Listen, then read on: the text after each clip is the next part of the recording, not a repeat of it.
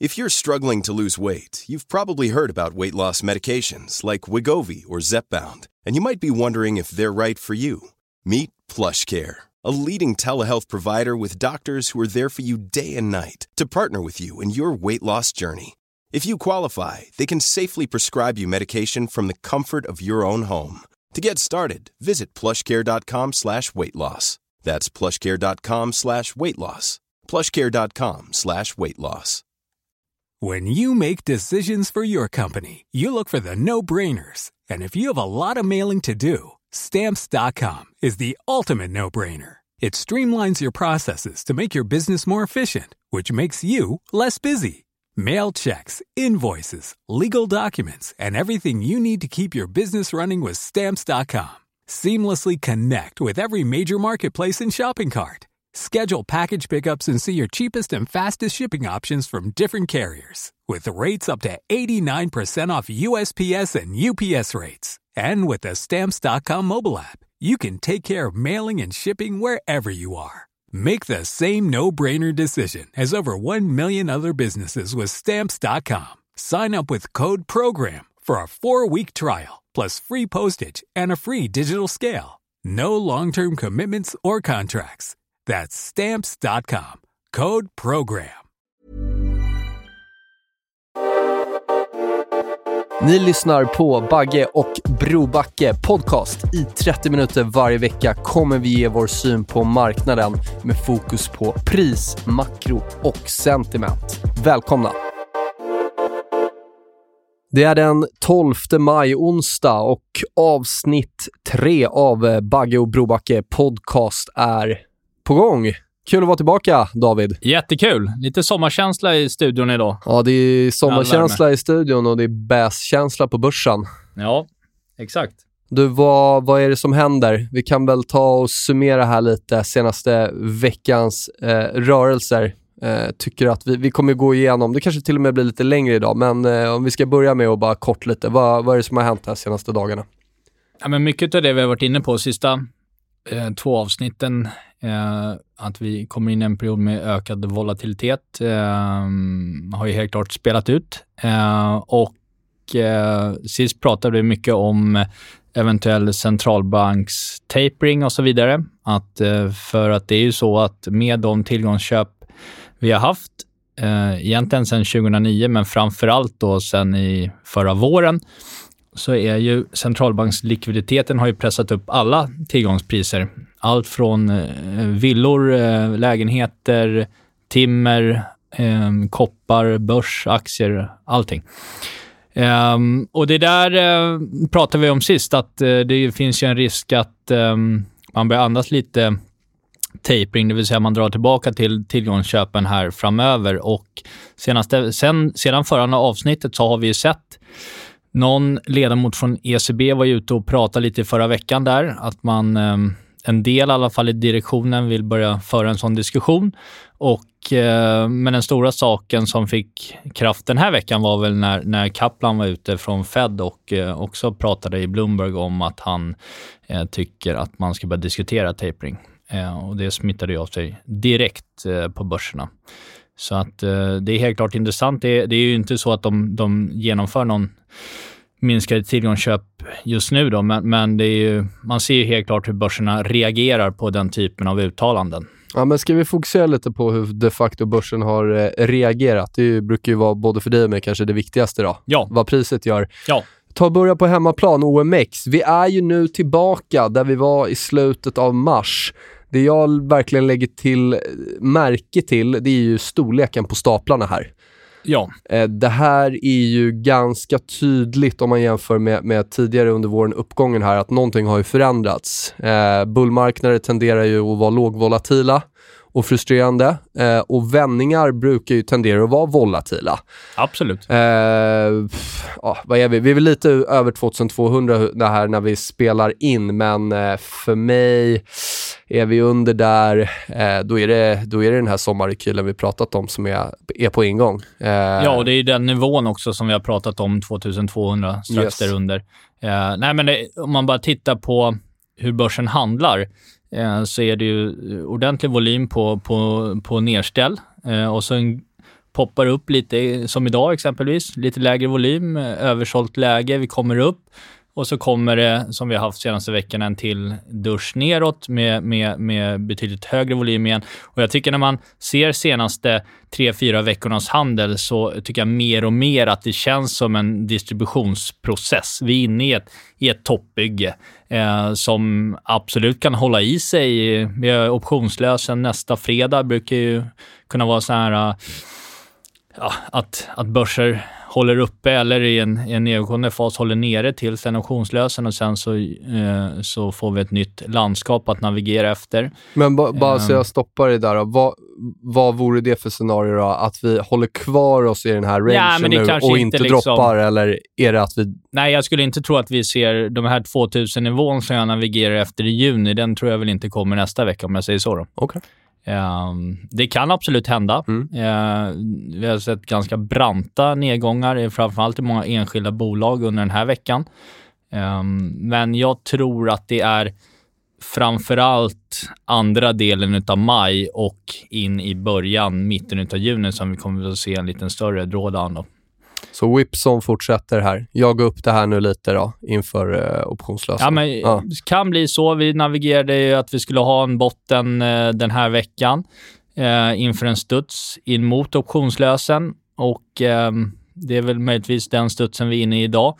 Eh, vi är upp 0,7 på OMX när vi spelar in det här. Eh, var ner över 3% igår, så att det är ingen, det är ingen jättestuds i, i, sett till den magnituden på nedsidan.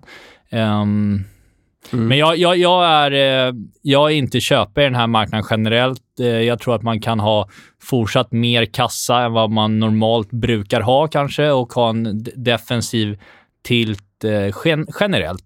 Sen är det klart, det är många enskilda aktier som redan sen i, i februari är ner liksom över 50 procent. Så att till många tillväxtcase och sådär. Så att det, det är klart att eh, Micros, i alla fall borta i USA, såg ju ut att hitta lite stöd igår faktiskt. Ja, det var ju det. det. som nästan såg bäst ut. Ja.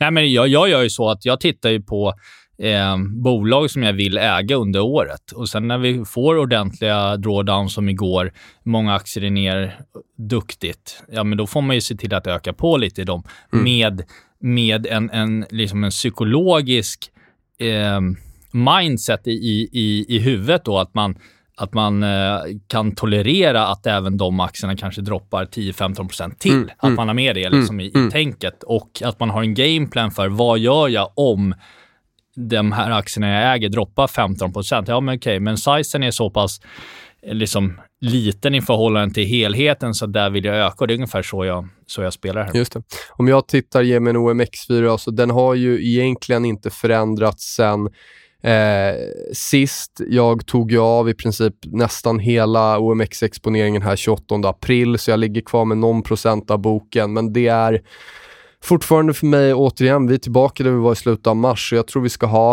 eh, 1950, 2000 där någonstans.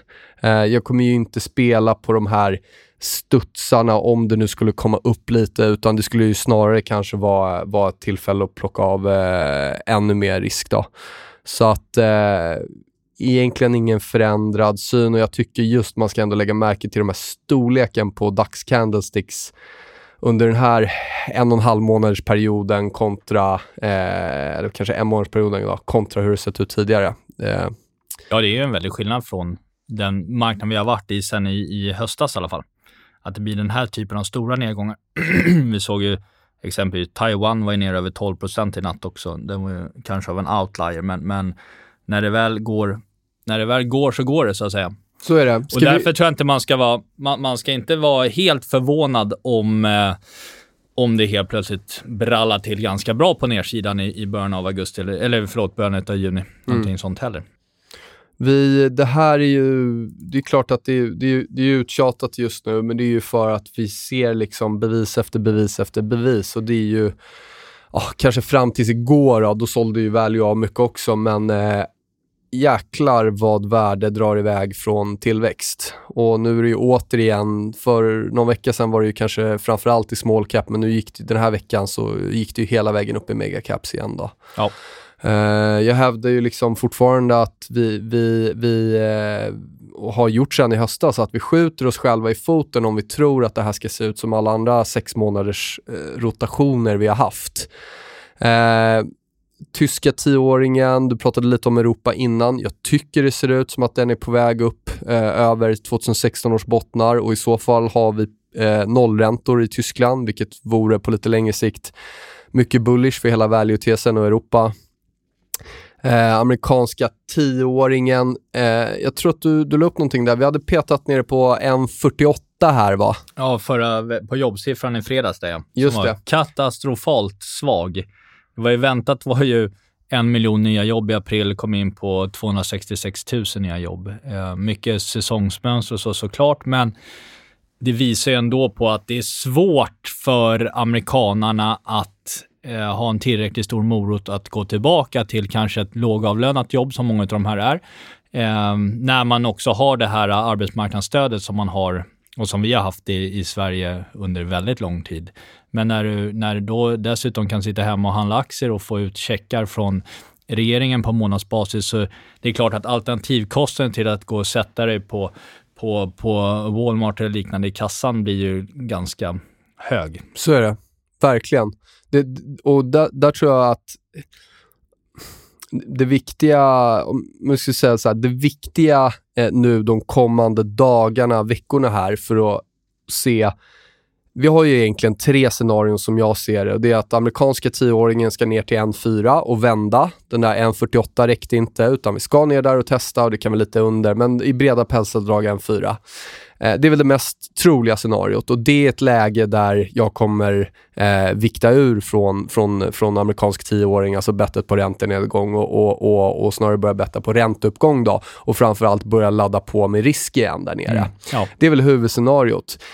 I ett sånt scenario kan man ju flika in, då kommer ju eh, hela value-traden som håller uppe börsen och dit varmluften går eh, att eh, svaga till sig Stämmer, och det är också sannolikt en dollar pop där. Just det. Inte Exakt. en dollartrendvändning, men en, i alla fall en Nej, men att du får en, en, en dollarförstärkning under slutet av maj, juni här nu med 4,5-5% upp kanske. Exakt.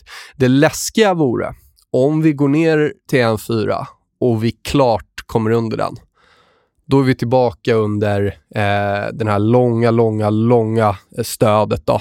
Eh, och vi är tillbaka under liksom egentligen där det blev riktigt, riktigt stökigt i, i förra våren. Då. Eh, det är inget huvudscenario, men det tycker jag i alla fall att det ska vara någonting man, man eh, håller extra koll på. Jag tror att det kan komma i, i början av sommaren, eh, för jag tror även att många råvaror så ser väldigt toppers ut och jag tror att vi kan se en generell nedgång i råvarusektorn också. Det skulle ju då tolkas som att liksom den här inflationstendensen vi har i marknaden från det hållet eh, kan ha varit ganska överdriven. Däremot eh, så är det ju mer eller mindre bara en tidsfråga innan vi kommer börja se eh, löneinflation både i Europa och USA, vilket kommer pressa upp den där räntan igen sen. Då. Så jag det. tror att alltså, i slutet av året så tror jag vi är på 2% och däröver. Det, mm, det tror jag mm. inte alls man ska vara. Nej. Liksom. Så den kortsiktiga rörelsen i så fall ner i räntan, oavsett om vi stannar på 1,4, ska under lite och vända eller ja. faktiskt fortsätter ner. I det klimatet så gillar jag att äga guld, vilket jag fortfarande gör. Jag vill vara kort risk assets. Eh, jag tror att dollarn kan poppa på det, så frågan är om man ska minska sin exponering i andra valutor. Yen tycker jag fortfarande är en bra trade i det fallet, för det är en risk-off valutapar. Uh, så, men det här tror jag är nog ändå den viktigaste grafen för mig. Det som talar för att det är en liten nedgång i räntan och sen ska fortsätta upp, det är ju koppar-guld-ration om jag tittar på den. Ja. De där två brukar ju tracka varandra, varandra väldigt bra. Uh, och det är också återigen där en sån, här, en sån här ratio som är intressant att kolla på. En annan intressant ratio som jag vet att jag tog med här första veckan och andra veckan, det är den här XLP eh, versus SPY, alltså Consumer Staples mot eh, S&P 500. Och om vi ska repetera, varför är det en bra indikator för risk-off? Jo, det handlar ju om att eh, aktieflöden strömmar från kanske mer lite riskfyllda S&P 500 in i den defensiva sektorn, mm. eh, Consumer Staples. Då. Och rent tekniskt så har vi studsat på den nivån som, som jag har visat, eh, det vill säga 0,16 och det är alltså 2007, slutet av 2007-toppen. Eh, vi har gjort två studsar där och nu börjar vi söka oss uppåt 0,17 och 0,17 är där jag tror det avgörs. Om vi ska ha någonting ytterligare utöver dollarn, utöver amerikanska tioåringen, utöver high yield som är kort, som ska liksom visa på att det blir ett, ett värre scenario än en rekyl ner här mot sommaren, då är det om XLP SPY går över 0,17. Det mm. gillar jag inte alls.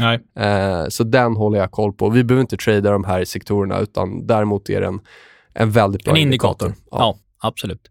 Nej, för om man ska, om man ska flika in på rotationen som sådan, för det är ju de facto det vi ser i, i marknaden.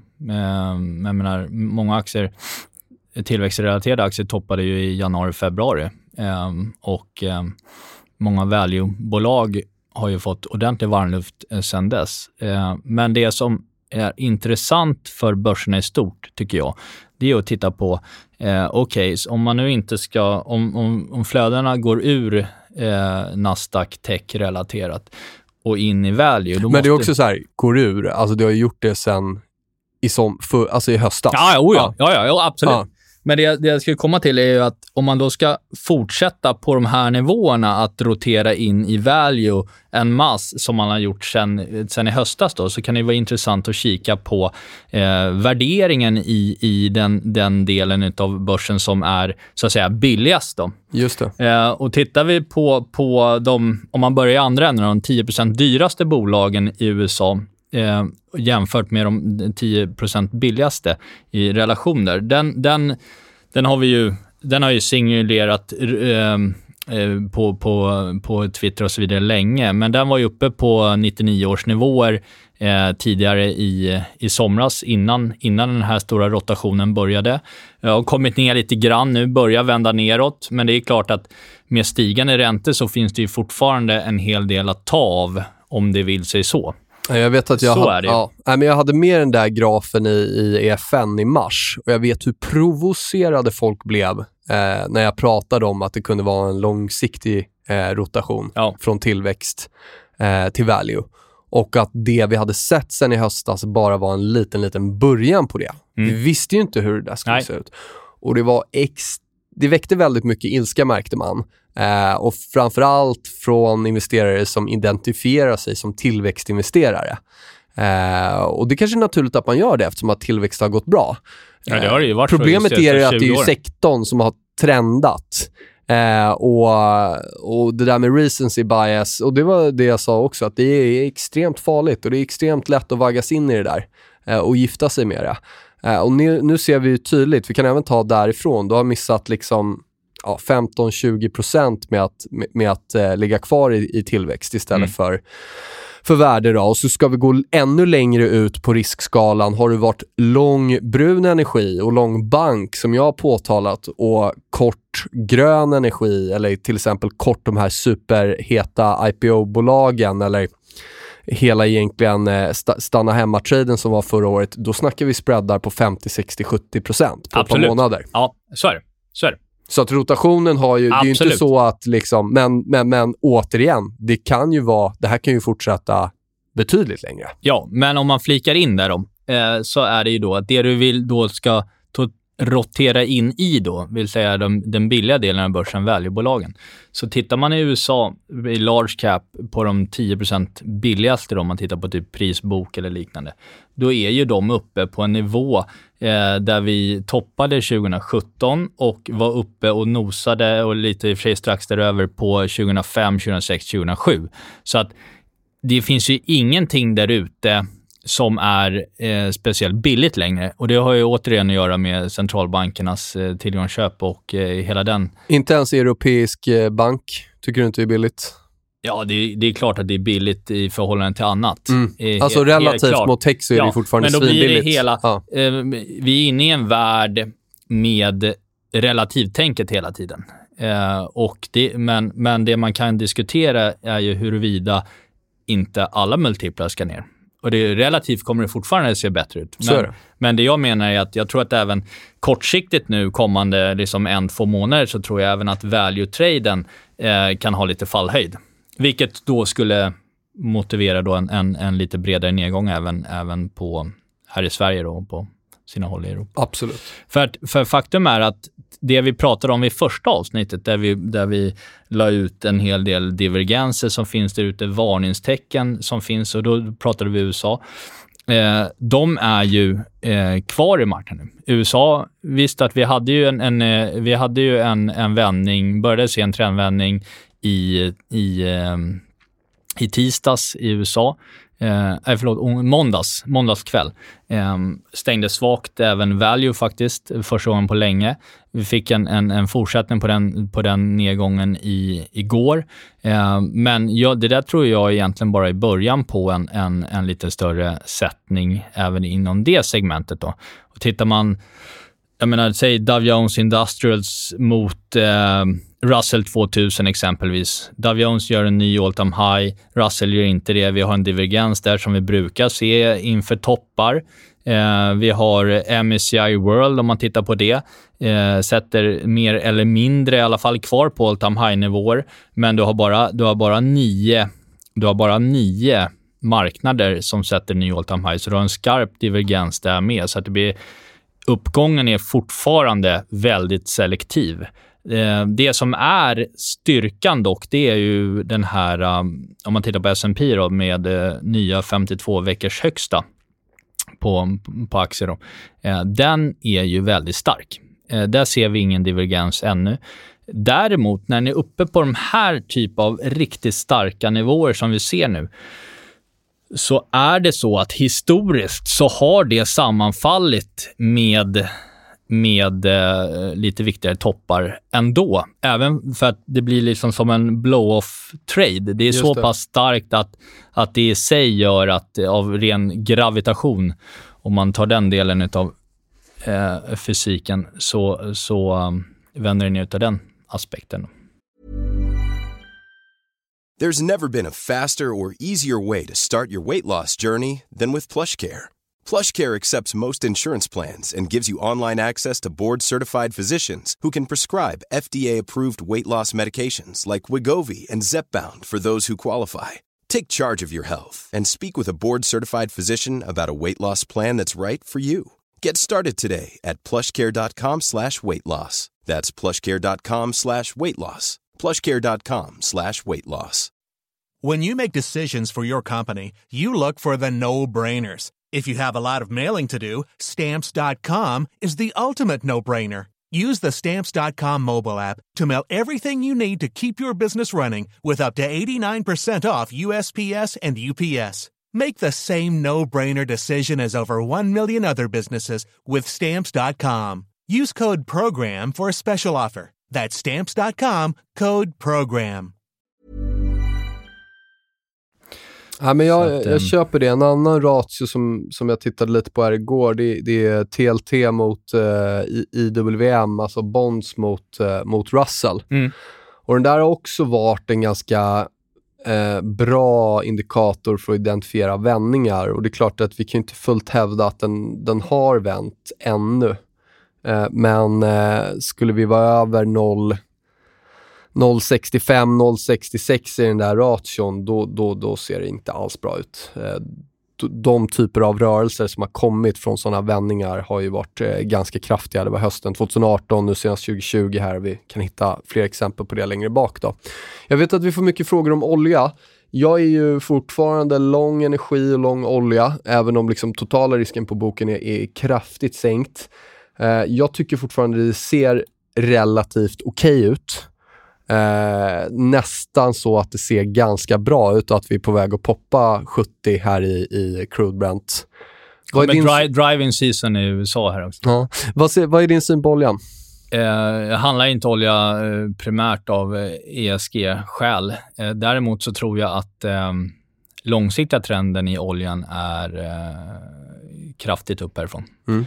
Eh, därför att jag tror att det finns en stark övertro på att alla ska köra runt eldrivna fordon eh, om 5-10 år. Jag tror att vi kan se en, en olja upp mot liksom 140-150 dollar om det, om det vill sig så. Om vi kollar... Vilket skulle då ja. i och för sig då utlösa en, en energikris ganska duktigt i världen. Så det är inget Så är det. positivt egentligen. Då. Nej, absolut inte. Men vi kan ju positionera oss för om det ska hända. Men om vi tar det kortsiktigt tekniskt här så har vi ju nu, det är ju sådär med stöd och motstånd att ju oftare man har tef- testat ett motstånd desto högre är sannolikheten att den bryts. Och nu är vi återigen där uppe vid 70. Samtidigt som du säger så nu börjar vä- även value-delen se stretchad ut, råvarudelen. Så i ett scenario där vi får sommarrekyl i aktier så ska den nog här vika under den här trendlinjen och i alla fall ta en paus i den här uppgången. Däremot om vi flyter igenom här och, och det är det där med råvaror. Det är därför jag håller kvar koppar, det är därför jag håller kvar olja. För att när det väl börjar trenda så kan det trenda så extremt mycket. Och man, det är inte, ibland får man inte chansen att komma in igen. Jag skulle Eh, säga det, och tittar man på typ koppar, aluminium eller timmer för den delen, det är ju inte, det är ingen, det är inte ens en, jag tycker knappt man kan prata om trend. Det är ju en blow-off, alltså det är en vertikal eh, Eiffeltornet-rörelse mer eller mindre. Vet du varför Som- jag inte håller med? Nej. Därför att vi kommer från en 12-årig bas. Hade det här varit, hade det varit en, he, en helt ny topp så hade jag köpt det. Men den här 12-åriga basen i koppar, även om vi kan få en månad, två, tre månaders bara sidled här nu konsolidera, kanske tas ner till fyra i, i kopparkontraktet, det köper jag. Men Ja. där, men efter en 12-årig bas, då ska breakoutet vara stort. Det ska vara rejält. Och då pratar vi 10 dollar koppar, 8 dollar koppar. Mm. På riktigt tror jag inte det är ett osannolikt scenario om ett par år. En dubbling härifrån. Nej, alltså det man ska just vad gäller koppar ska man ju ha med sig att det är fortfarande ett, en utbudsbrist eh, på, på koppar. Så att det, det här spelar jag ju snarare som att vi ska ha, det är extremt eh, liksom stretchat på uppsidan och att vi ska ha en ganska skarp eh, motrörelse i det då. Ja, så In inte ner in i till tre igen, men kanske Nej. en skarp rekyl ner mot... Ja. Ja. Det tror jag. Ja, ja, men det, det köper jag Ehm. också. Det scenariot finns absolut. Det gör ju också att om man, om man, om man bara lyssnar på det vi pratar om här så, så är vi lite inne på att vi kan se en rekyl i, i det mesta egentligen. Som kan bli ganska kort eh, tidsmässigt. Eh, liksom, ja, om, om en månad är vi inne i mitten av juni. Så att vi, vi pratar kanske en period här på fyra, sex veckor, men som kan bli ganska skarp i de flesta tillgångsslag. Då. Ehm, sen tror jag att kopparn kommer hitta ett bid också och eh, råvaror med alltså generellt också. Men jag tycker att det, det sista veckorna och sista dagarna har det liksom sprungit lite väl.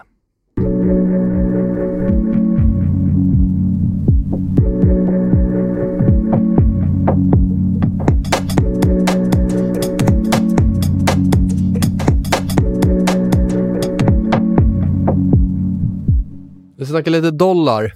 Mm. ta upp lite dollarindex här. Den har ju vänt ner riktigt bra eh, och är ju egentligen kommit ner. Den stora nivån, jag tror liksom strukturellt, det går nästan inte att hävda att vi inte är nu i princip alla tidshorisonter eh, ser ut som vi trendar neråt i dollarn. Eh, men det brukar ju också vara i ett sånt läge där man får en ganska kraftig upprekyl och som vi sa så skulle det passa rätt bra nu om vi får ett nedställ på börsen in mot sommaren här. Att, att eh, dollarn rekylerar uppåt. Ja, det kan ju vara den också faktiskt som gör att du får att det är den dollaruppgången som vi ändå ser framför oss nu kommande månaden kanske som gör att du får bredare risk-off. Vad är hönan, vad är ägget? Ja, Ja. exakt. Eh, då är ju frågan hur vi positionerar oss för det.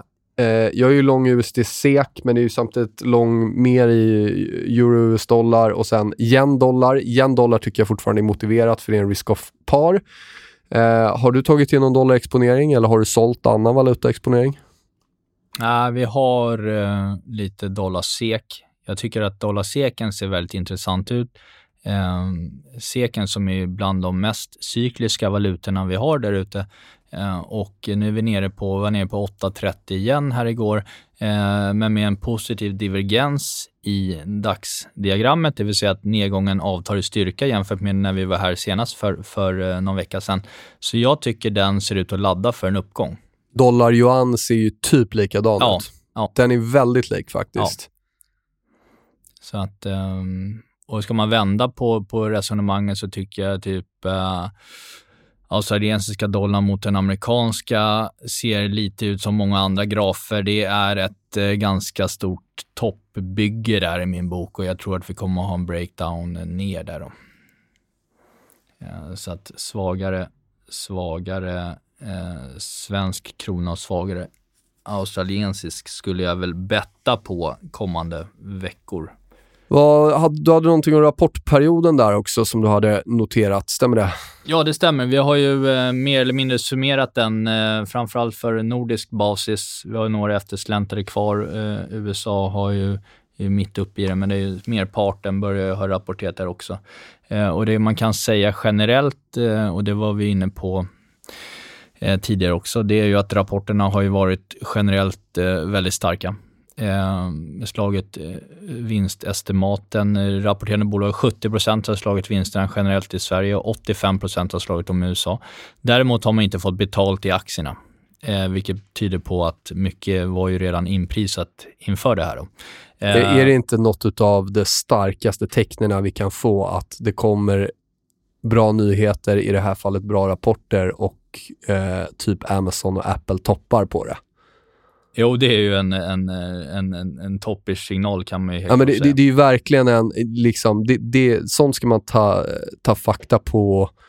Släng på liksom Caddy Woods Arks kommentar där om att Apple för henne är liksom en likviditetsposition. Ja. Det där skrämmer mig alltså. Det är Nej, inte men, bra. Nej, men, men tittar man på generellt då, det är ju så här att även om vi laborerar med en rekyl i närtid, så är jag positiv till börsen på helåret från en botten i sommar därför att vinsttillväxten i både svenska, amerikanska och i de flesta bolag kommer ju se väldigt god ut i, i under hösten när, när topline tar fart, man börjar få igång försäljningen desto mer och man senaste kvartalen har eh, höjt marginalerna ordentligt. Man har trimmat kostnaderna så att marginalbiten i det här kvartalet var ju fortfarande väldigt god. Mm. Överraskande bra. Däremot så har, ser vi återigen att, att omsättningen i bolagen har inte, har inte tagit fart än. Så det gör ju att det finns en, en väldigt bra argumentation för att du kommer se ganska ordentlig vinst tillväxt eller om inte annat nästan vinstexplosion i många bolag till eh, under hösten och in i början av nästa år. Då, mm. eh, så då är bara frågan hur långt vi ska ner innan det. Ja, det kommer mm. ju vara eh, kraftigt stödjande för, för eh, aktier som tillgångslag under andra halvåret och in i början av nästa år. Um, så därför så menar jag, även om jag är liksom bäsad, låter väldigt bäsad på kort sikt här, men det är mer för att jag tänker på den här mer kortsiktiga risk-rewarden. Jag tycker mm. det är roligare att köpa någonting på minus 10 än att köpa det idag mm. kanske. Uh, men, men, men helt klart är det så att börserna totalt sett, även om jag tror att vi kommer att ha vissa sektorer som kanske toppar för året här och nu, eller kanske redan har gjort det, så är det ju så att totalt sett så kommer, så kommer det fortfarande flöda in pengar i, i aktier med, med den vinsttillväxten som, som bör mm. ligga i... Eh, ja, nej, jag, jag, vet inte när Nasdaq bottnar och jag vet inte när Apple eh, bottnar, men eh, jag vill låta priset eh, visa det. Man kan ju flika in där dock att när vi, tanken är att vi ska gå tillbaka till en normal normal, eh, normalt liv, en, en, normal ekonomi här efter att pandemin ebbar ut och alltihopa. Eh, och blir det så, vilket är väl ganska troligt, då, då kommer vi i så fall, om, om vi går tillbaka till där vi var då så att säga, så var vi ju i en period med globalt låg tillväxt, hög skuldsättning. Eh, demografin i många, många ekonomier är ju kraftigt tiltad till de äldre. Så att, att, att tro att det ska bli en stark liksom, ekonomisk tillväxt i världen, den, den, tror jag är, eh, den tror jag är svår. Jag tror att man som liksom, långsiktig eh, så att säga, tech-investerare i rätt bolag som ligger i rätt nischer kommer du fortfarande göra eh, pengar i kommande åren. Men det kan bli så eh, att du behöver vara mer selektiv i vad du äger och inte bara äga brett, liksom typ Nasdaq. Um, Absolut, det håller jag med om. Vi har ju, om man ska säga någon datapunkt som kan vara viktig att hålla koll på. Nu sänds ju det här, eh, det är ju helgdag imorgon till och med i Sverige. Det är det? Ja, och börsen stänger klockan ett här om en timme. Men eh, 14.30 idag då, så kommer ju eh, amerikansk inflationsstatistik för april. Eh, och den väntas ju vara upp ganska kraftigt. Eh, väntat är en siffra på plus 3,6 procent i årstakt. Ehm, och tittar man då, det är ju energi och, eh, och matpriser som, som, som väntas dra det hela uppåt. Ehm, men det som kan vara, med tanke på hur börsen har skakat till de senaste dagarna på inflationsoro, så kan ju det där, om, om den där siffran kommer in över 3,6, säg att den kommer upp mot 4,5 och så här, då, då skulle jag inte bli förvånad om, om vi ser ett, eh, en ganska röd börs här hemma på, på fredag igen. Då. Intressant.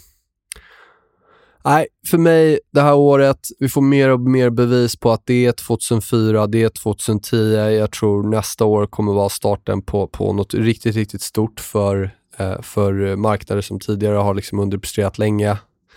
Eh, Europa och, och sådär. Men det här året kommer bli en shopfest och det, det ja, de mesta teckna, eller de mesta bevisen indikerar det. Ja, och det är ju eh, fantastiskt för oss som är lite snabbfotade. Exakt. Alltså det, den, den här marknaden vi har haft nu sista veckorna, det är ju fantastiskt. Ja, men på egentligen. indexnivå ser det inte ut som det har hänt någonting, Nej. men det är ju rejält volatilt. Ja, ja, oh ja. ja. Enskilda papper, det är ju, vi snackar ju plus 10-15 procent. Ja. Så man har ju haft möjlighet här nu, om man, om, man, om, om man inte lyssnade på tecknen i höstas så har man ju fått ett par tillfällen här under våren och, och tilta om portföljen också. Absolut. Eh, ska man eh, runda av med lite indexförändringar? Det kan vi göra. Ja. Eh, MSCI, som är den stora indexprovidern runt om i världen, var ute med sina nya indexförändringar här vid, eh, eller i natt som var. Och då kan det vara intressant att kika på nordisk och framförallt svensk basis eftersom jag antar att vi kanske inte har så många danska lyssnare och så vidare. Men det sker lite förändringar här. Det kommer implementeras den 27 maj på close. Eh, så det kommer vara en dag där det är väldigt mycket volym i marknaden generellt.